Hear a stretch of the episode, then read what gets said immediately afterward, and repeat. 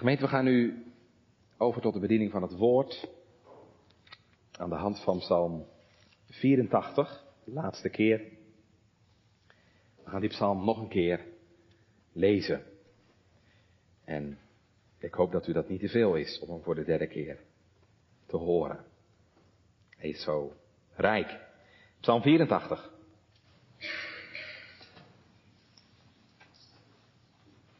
Voor de opperzangmeester op de Gittit.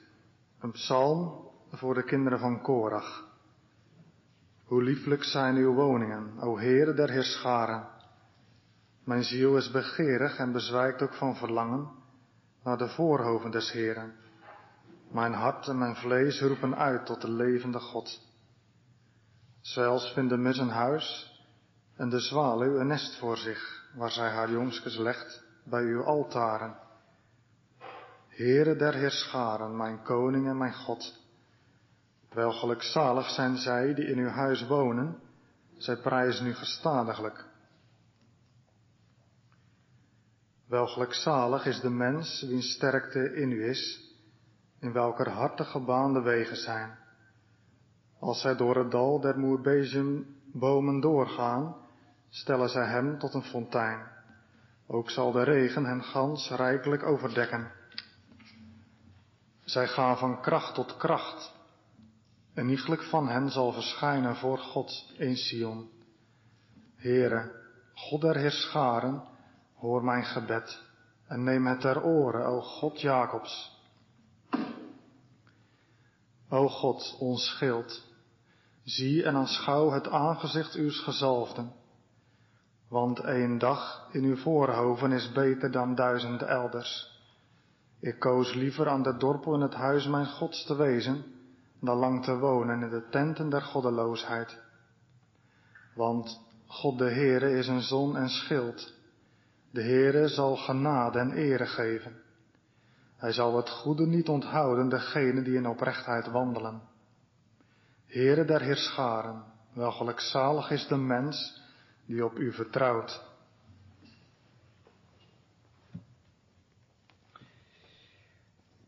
Gemeente, wie zijn de gelukkigste mensen? Ja, als je onderzoekers moet geloven, wonen die in Finland. Finland en dan gevolgd door Denemarken, Zwitserland, IJsland en dan op de vijfde plaats Nederland. En als je wil weten waar de gelukkigste mensen van Nederland wonen, dan schijn je in Ede te moeten zijn. Ja, onderzoekers kijken dan vooral naar gezondheid, werkgelegenheid, de ruimte die je hebt om je heen, dat soort dingen. De Bijbel zegt vanmiddag iets anders, gemeente. Gelukkigste mensen zijn niet de Finnen, de Denen, de Zwitsers. Gelukkigste mensen zijn zij die de Here vertrouwen.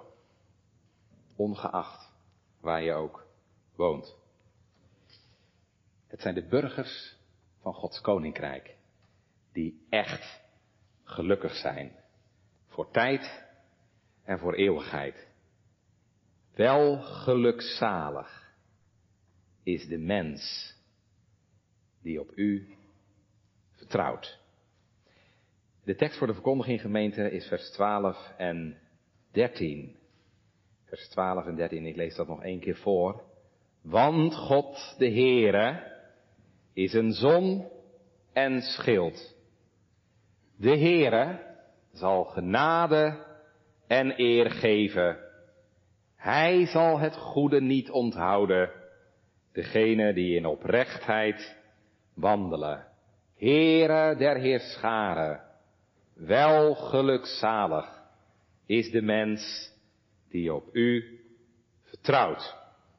We schrijven boven de preekgemeente, gelukkig de mens die op God vertrouwt. Gelukkig de mens die op God betrouwt. En waarom dat zo is, dat zien we in de eerste plaats wie God voor hen is. Wie God voor hen is.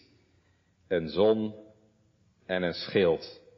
En in de tweede plaats zien we dat aan wat God aan hen geeft genade en eer en het goede.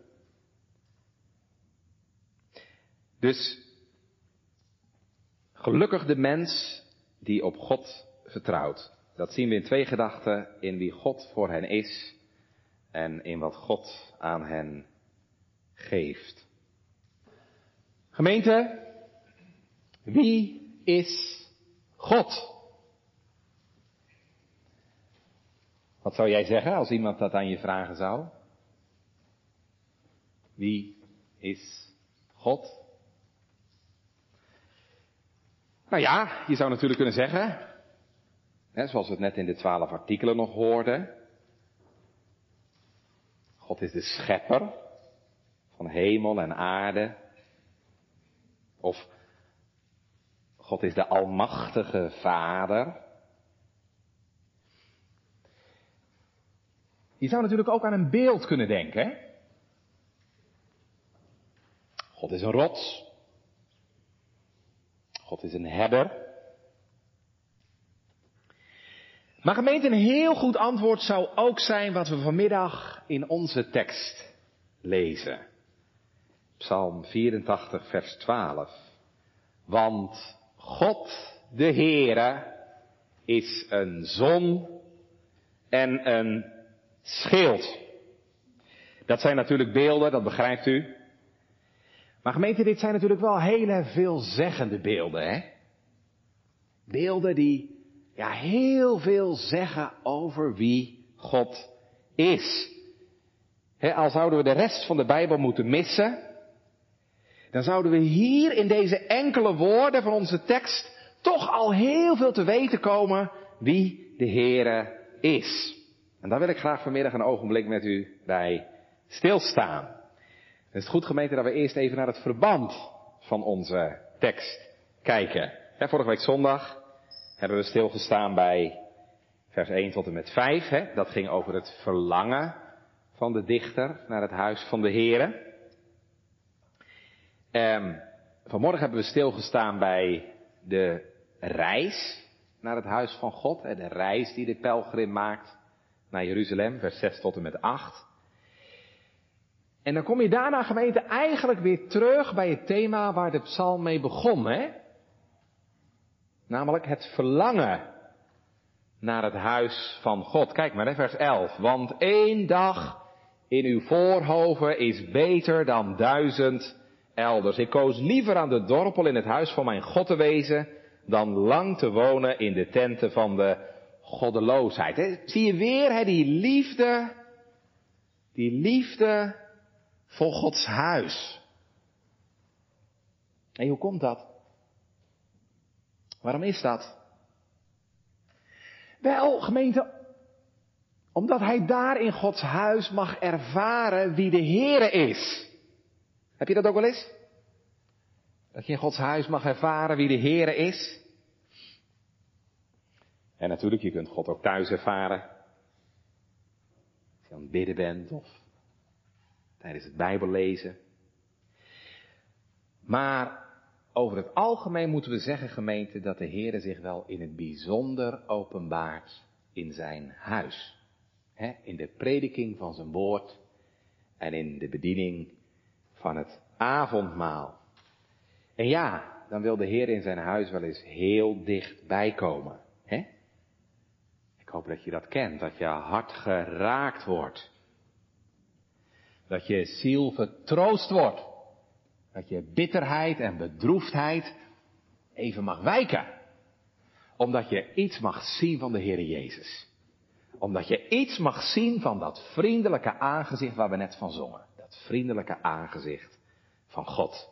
Ja, in het huis van God mogen Gods kinderen in het bijzonder ervaren wie God is. En zo was dat nou ook gemeten bij de dichter van Psalm 84. Waarom ging hij zo graag naar Gods huis? Waarom zegt hij één dag is bij u is beter dan duizend elders?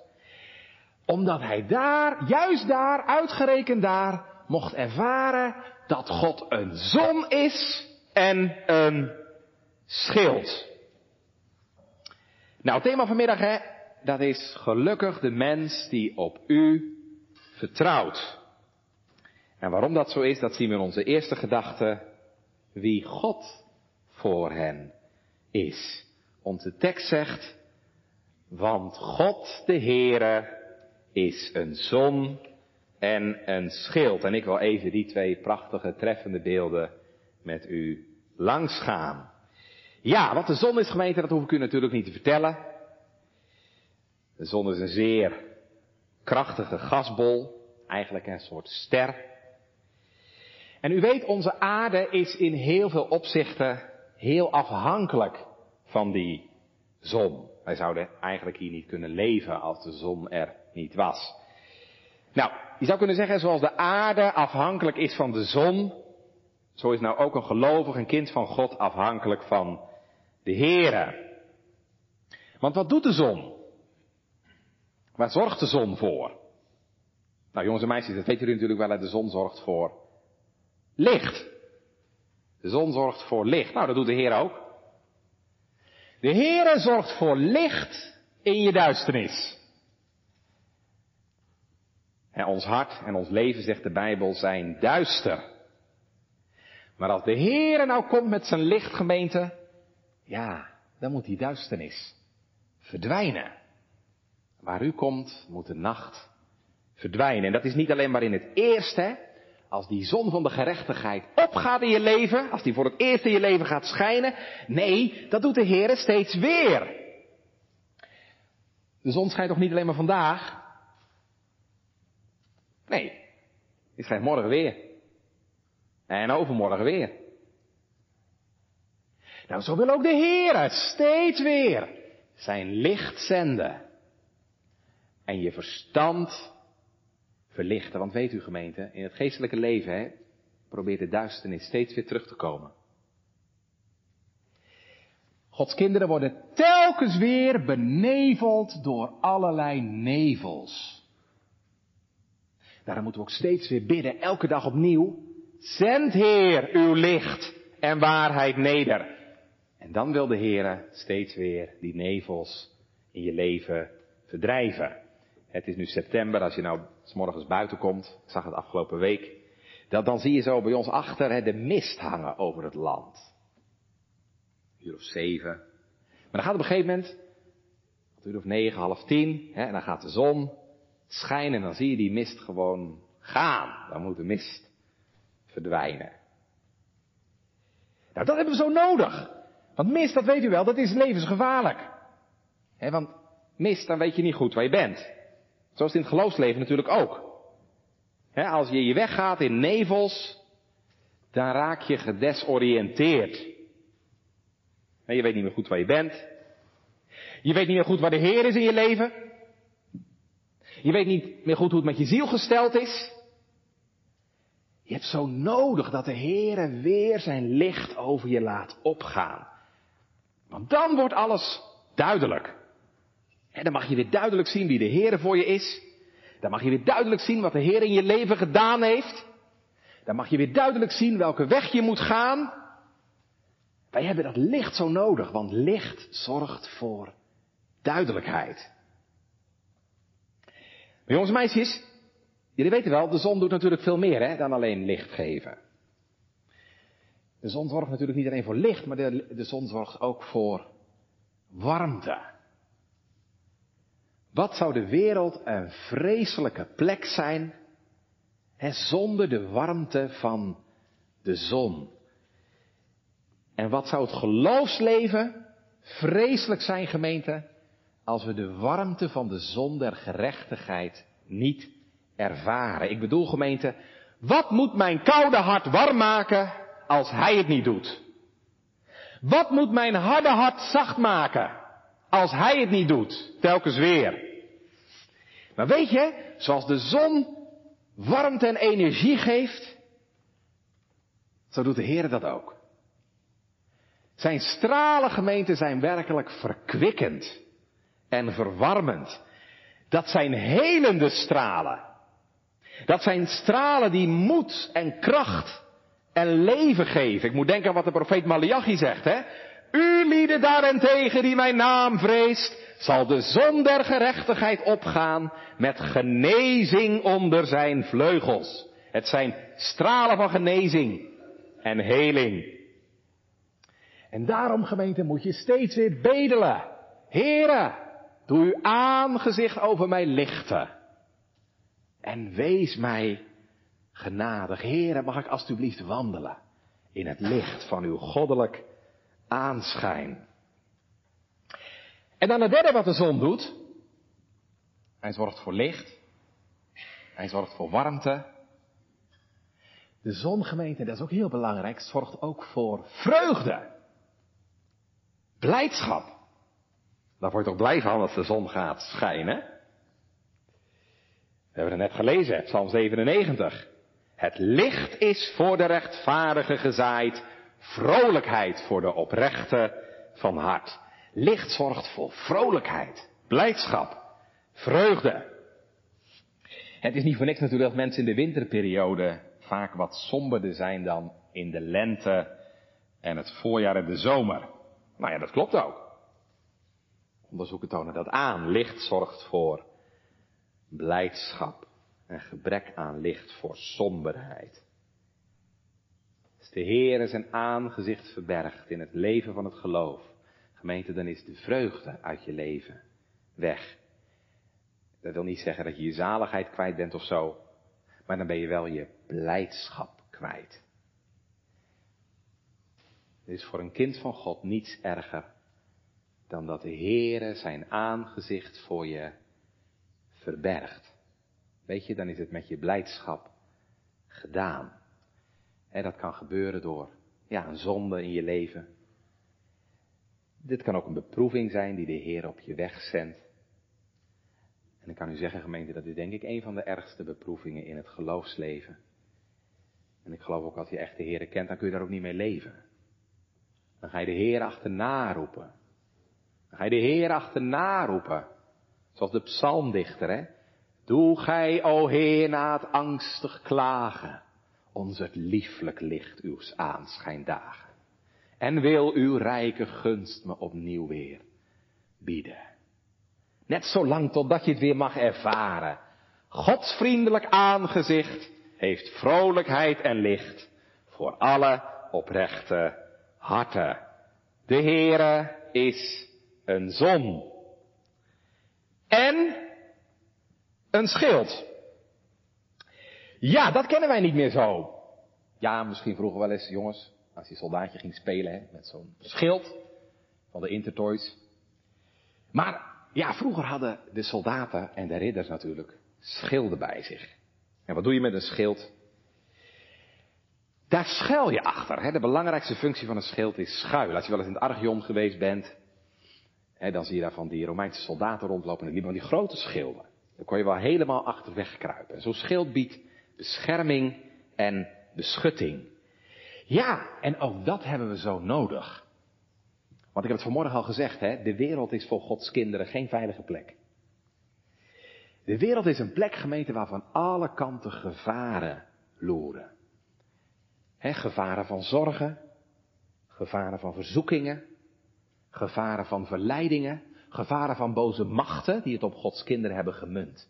Maar wat heerlijk, nu is de Heere een schild, want God de Heere is een schild. En we horen de David zingen in een van de andere psalmen, psalm 56.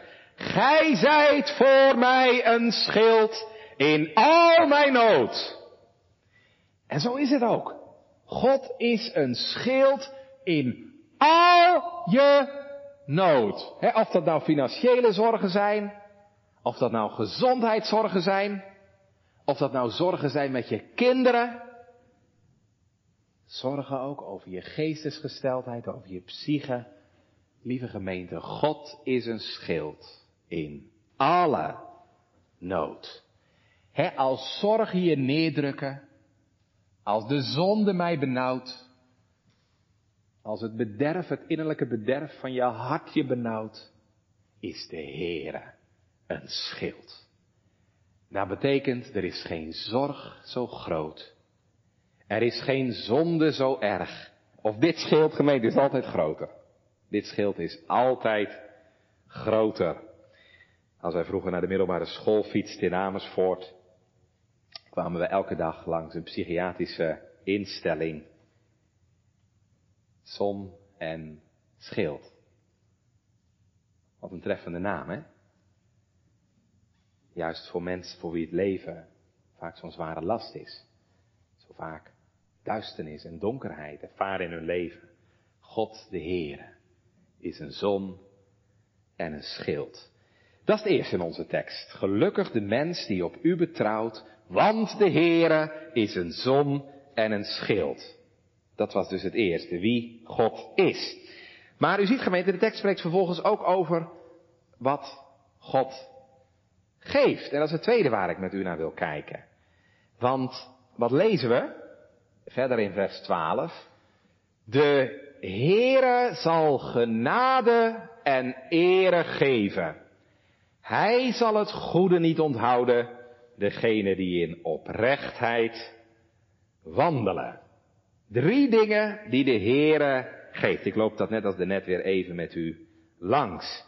In de eerste plaats, de Heere geeft genade. En wat is genade? Professor Alan Ross, heel mooi commentaar geschreven op de psalmen, die zegt die genade betekent favorable treatment that is undeserved. Een gunstige behandeling die je niet verdient. Dat is genade. Een gunstige behandeling die je niet verdient. Dus God bewijst genade en schenkt genade aan mensen die dat niet verdienen. Die eigenlijk precies het tegendeel, het tegenovergestelde verdiend hebben. Onbegrijpelijk hè? Vind je dat ook zo'n wonder? Die genade van God, hè? Dat je ondanks je hoogmoed en al je zondige gedachten en al je verkeerde, scherpe, bittere woorden en die duizenden en duizenden dagelijkse overtredingen, dat de Heer jouw genade heeft bewezen. Ik zat een tijdje terug te lezen in het dagboek van Spurgeon en dat raakte me diep. Spurgeon zei, en dan te bedenken, hè, dat God dat nou allemaal van tevoren wist. Dat God dat nou allemaal van tevoren wist. Jouw miljoenen zonden. In gedachten, in daden en in werken. En dat hij nochtans genadig wilde zijn. En gemeente dat het niet alleen maar in het eerste komen tot de Heer Jezus. Nee, dat bewijst de Heer steeds weer. Dat is onophoudelijk, dag in, dag uit. En wat heb je dat ook nodig? Die genade. Als u vandaag hebt deelgenomen. En je neemt je vandaag voor, dat, dat hoop ik natuurlijk. je neemt je voor om weer met nieuwe toewijding en liefde de Heer te gaan dienen. Ach, diep in je hart weet je toch nu al hoe het zal gaan, gemeente. He? Ondanks je beste voornemens zul je weer elke dag struikelen in zoveel dingen.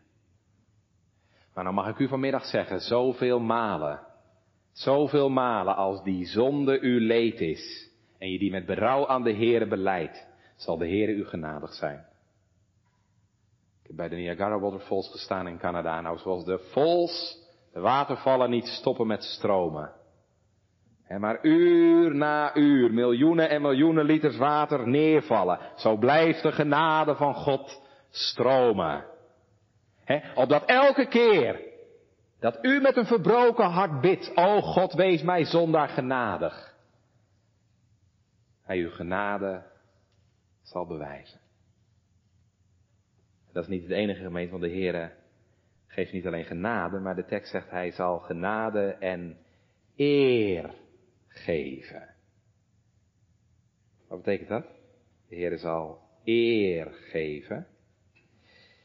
Nou, dat betekent niet gemeente dat als je de Heer dient, als je God dient, dat je heel veel roem en eer en aanzien zult krijgen. Althans, niet bij de mensen. Meestal juist het tegenovergestelde. Maar gemeente, je zult wel eer bij God krijgen. De Heere eert degene die hem vrezen. al zijn Gods kinderen bij de wereld vaak niet in tel, bij de Heere wel. Hij was ze. schoon van hun zonde en vuil. Hij trekt ze nieuwe klederen aan, bruiloftsklederen. Hij maakt ze tot zijn kinderen en erfgenamen. Kun je grotere eer bedenken voor de mens? Om een plaats te krijgen tussen zijn zonen en dochteren? Om van een vijand een kind, een aangenomen kind te worden? En gemeente, dat is nog maar het begin. Dat is nog maar het begin, dat de Heer je aanneemt tot zijn kind. Dat is nog maar het begin van de eer die hij je bewijst. Want het grootste moet nog komen. Dat woordje eer, kaboot, dat mag je ook vertalen met glorie. Glorie. Heerlijkheid. Dat wijst gemeente ook op de toekomstige verheerlijking van Gods kinderen. Want u weet wel wat Paulus zegt. Kinderen zijn ook erfgenamen.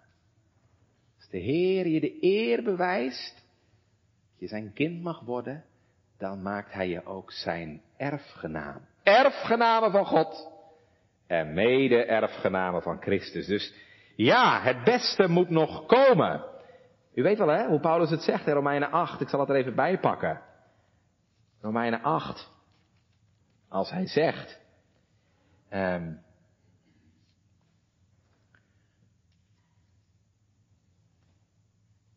die hij tevoren gekend heeft. Die heeft hij ook tevoren verordineerd om het beeld van zijn zoon gelijkvormig te zijn. En die hij tevoren verordineerd heeft, die heeft hij ook geroepen. En die hij geroepen heeft, die heeft hij ook gerechtvaardigd. En die hij gerechtvaardigd heeft, die heeft hij ook verheerlijkt. God verheerlijkt zijn kinderen. En dat betekent gemeente dat de allerkleinste, allerzwakste gelovige op aarde straks heerlijker en glorieuzer zal zijn dan de grootste engel. Gabriel, Michael of wie dan ook. Nu zijn wij kinderen van God, zegt Johannes. Maar het is nog niet geopenbaard wat wij zijn zullen. Maar wij weten dat als Hij zal geopenbaard zijn, de Heer Jezus, wij Hem gelijk zullen wezen. Dat is de toekomstige verheerlijking. Het zit allemaal in deze woorden. De Heere zal genade en eer geven. Ja, nou zeg je misschien waarom, dominee? Waarom kan God genade en eer geven aan mensen die dat totaal niet verdienen? want wat betekent dat woordje genade? Dat je totaal niet verdient. Dat kan de Heer doen, gemeente, om Jezus wil. God geeft zondaren genade en eer, omdat Hij Christus gaf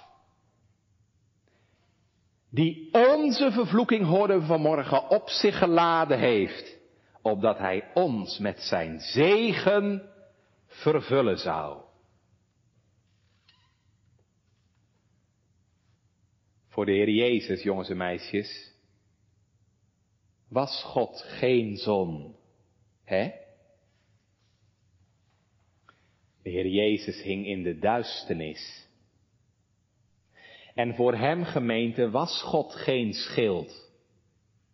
Toen hij naakt en onbeschut aan een kruis hing. Als een spot en smaad voor de mensen. Als een doelwit en een prooi voor de hel. Voor hem was er geen genade toen hij riep tot zijn vader. Voor hem geen eer. Alleen maar schaamte en schande. Schamel en bloot stierf hij de dood. Arm uitermate hing hij verlaten aan kruisen roede, het lichaam in bloede, schamel en bloot, stierf hij de dood. Hij heeft ontelbare smaadheden geleden, opdat wij nimmer meer te schande zouden worden, maar genade en eer mogen ontvangen. Kijk, dat is het antwoord. Daarom kan God een zon en een schild zijn. Daarom kan God genade en eer geven. Om Jezus wil.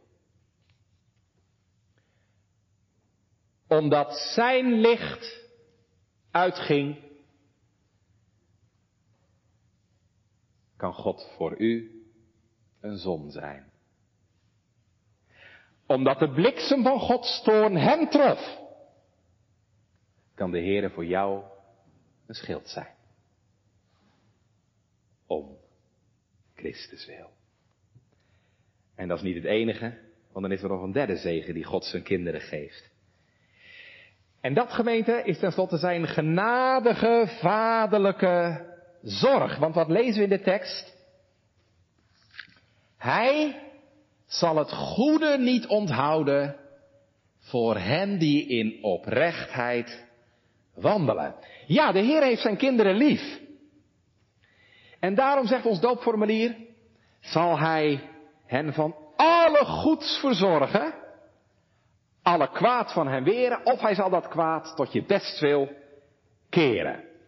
Ja, natuurlijk, als God zorgt voor je eeuwige toekomst, gemeente, zou Hij dan niet zorgen voor je toekomst morgen en overmorgen? Als God het één gedaan heeft, als Hij je genade heeft gegeven en eer, ja, dan zal Hij ook zeker het andere doen. Hoe zegt Paulus het ook alweer? Hoe zal Hij, die zijn eigen zoon voor ons niet heeft gespaard, ons met Hem niet alle dingen schenken? Alle dingen, ja natuurlijk niet alles wat je wil, maar wel alles wat je nodig hebt, gemeente. Wat de Heere voor jou nodig acht. Hij zal het goede niet onthouden, degene die in oprechtheid wandelen. Wist u gemeente dat deze tekst een lijfspreuk was? De lievelingstekst van de Engelse dominee George Muller. George Muller is de man die in Engeland vele weeshuizen heeft opgericht. En deze tekst, dat was zijn lievelingstekst en zijn houvast. De Heere zal het goede niet onthouden, degene die in oprechtheid wandelen. En al dat geld voor die weeshuizen, dat kreeg hij uit giften. En als er dan weer eens een tekort dreigde, dan ging hij met deze tekst naar de Heere toe. Heere, u hebt toch gezegd dat u het goede niet zult onthouden, degene die in oprechtheid wandelen. Wilt u dan geven wat wij nodig hebben? Kinderlijk eenvoudig, je zou het moeten lezen. De levensbeschrijving. En het geloof van deze man in de waarheid van deze woorden, van deze belofte gemeente, was zo groot. Ik heb het u wel eens verteld, maar ik ga het nog maar een keer vertellen. Hè. Toen het brood op een dag op was en de melk op was, dat George Muller toch met de kinderen ging bidden. Heren, dank u wel dat er genoeg melk is in Engeland. Alleen nog niet in de bekers hier op tafel. En heren, dank u wel dat er brood genoeg is in Engeland. Alleen nog niet op de bordjes van deze kinderen. En toen werd er op de deur geklopt. Een grote kar vol manden met brood. En of je het gelooft of niet, maar dit is echt gebeurd. Vervolgens stopte de melkwagen voor de deur. Het wiel van de kar was stuk gegaan. En de melkboer moest van zijn melk af, want anders zou het natuurlijk zuur worden en bederven. Hij zal het goede niet onthouden. Degene die in oprechtheid wandelen. Wat ben je gelukkig, gemeente. Als je deze God mag kennen. Als deze God je deel is. Ik weet het, Gods kinderen lopen vaak met een bedrukt gezicht over de aarde vanwege hun zonde en zorgen. Maar dat zou toch helemaal niet nodig moeten wezen, gemeente? De wereld. De wereld, die heeft reden om zich zorgen te maken. He, want die moeten het allemaal zelf doen. Die moeten allemaal voor zichzelf zorgen. En wat leidt dat vaak tot boosheid, frustratie en angst? Wat zegt de Heer Jezus? Zegt de Heer Jezus tegen zijn discipelen toen en vandaag? Wees niet bezorgd. Want uw vader weet wat u nodig hebt. En kinderen van God vanmiddag. Neem nou deze woorden eens mee voor de tijd die voor ons ligt. Neem deze woorden nou eens mee. Schrijf ze desnoods in de keuken. Op het bord of zo. Wees dan niet bezorgd voor de dag van morgen. Want hij zal het goede niet onthouden, degene die in oprechtheid wandelen. Gemeente, als je niks hebt, maar je hebt wel God, Dan heb je meer dan wie alles heeft, maar God mist. En daarom zoek steeds weer eerst het koninkrijk van God en alle dingen zullen je toegeworpen worden. En Louis heeft eens gezegd, zet de belangrijkste dingen op de eerste plaats en je krijgt de minder belangrijke dingen er vanzelf bij. Maar ga je het omdraaien, ga je het omdraaien, hè, je zet de minder belangrijke dingen in je leven op de eerste plaats, dan verlies je het allebei. Zowel de minder belangrijke dingen, want die moet je straks toch loslaten, en je verliest ook nog eens een keer Gods koninkrijk. En daarom zoek eerst het koninkrijk van God en de Heer zal voor je zorgen. Ik heb nooit gezien, zegt de dichter van Psalm 37, de rechtvaardige zoekende brood. Nee, nee. Want hij zal het goede niet onthouden, degene die in oprechtheid wandelen. Dat zegt de Heer er trouwens al bij, hè? Die in oprechtheid voor hem leven. Dat is natuurlijk wel een voorwaarde. Ja, als je slordig en in zonde leeft, hoef je niet zonder meer te rekenen op Gods vaderlijke zorg. als je afwijkt van de paden van het recht, dan krijg je de Heer tegen. Dan zal ik hen die dwaas en wrevelig overtreen, bezoeken met de roe en bittere tegenheen.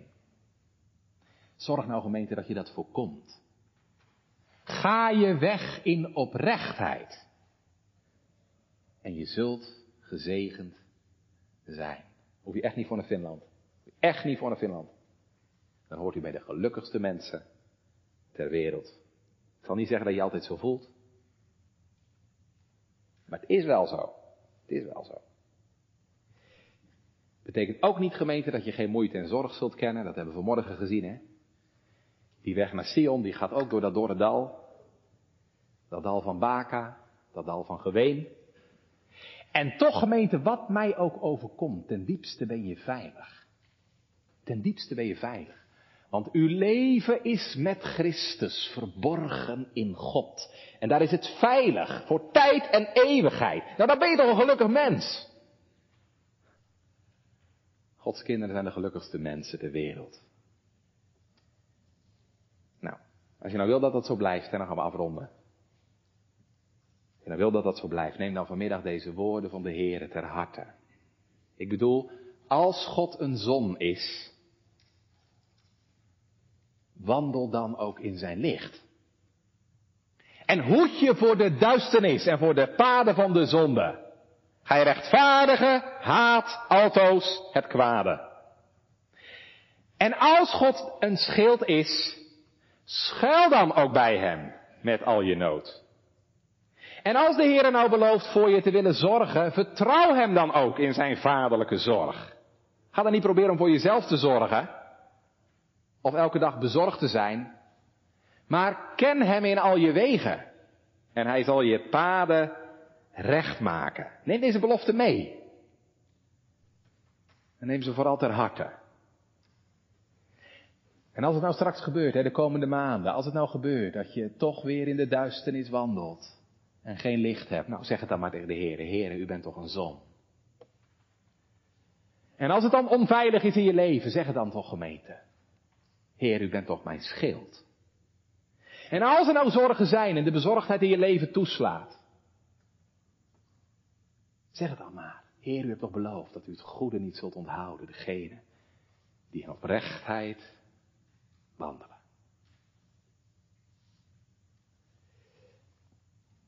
Misschien ging je vandaag niet aan het avondmaal.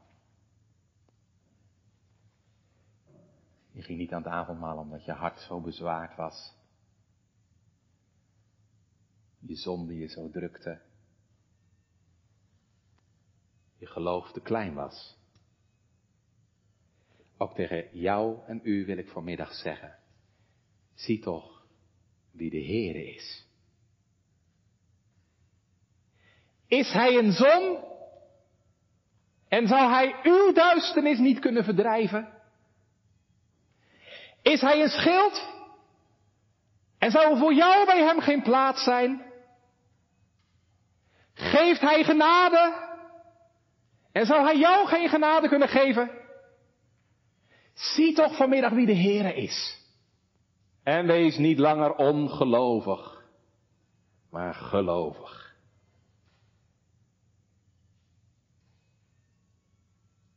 Misschien leef jij nog in duisternis. Je kent de Heere nog niet. En eerlijk gezegd schuw je het ook maar een beetje. Je, je probeert God het liefst maar een beetje bij je vandaan te houden, toch? Ja, weet je waar je mee bezig bent? Je schuwt het licht. Weet je hoe de Heer Jezus het zei? Je komt niet tot het licht, want je hebt de duisternis liever dan het licht. Hé, hey, denk jij nou echt? Denk jij nou echt dat je je voor deze zon kunt verbergen? Dat je je voor deze zon kunt verstoppen? God is een licht. En hij doorziet alles. Ook jou en mijn leven.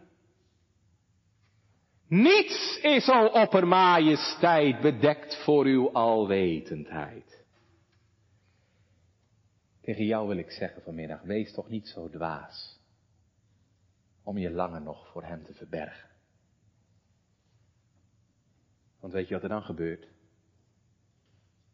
Dan zal dit licht, deze zon, straks voor jou tot een eeuwig vuur worden. En daarom verberg je toch niet langer voor het licht. Maar kom tot het licht. Zoals je bent, met al je zonden. Kom tot het licht nu het nog kan, in het heden der genade. Want nog mag ik het u verkondigen, gemeente, en nog mag u het horen. God, de Heere, is een zon die ook jouw duisternis verdrijven wil. En hij is een schild waar ook jij achter schuilen mag met al je zonden. En nog gemeente, geeft hij genade en wacht hij om genadig te zijn. O roep hem dan aan. O God, o Heere, wees ook mij, ook mij zondaar, genadig. Opdat ook jij het mag ervaren. De Heere zal genade en eer geven. Geloof je het? Gelooft u het? Ben je echt een gelukkig mens? Wel gelukzalig is de mens die op u vertrouwt.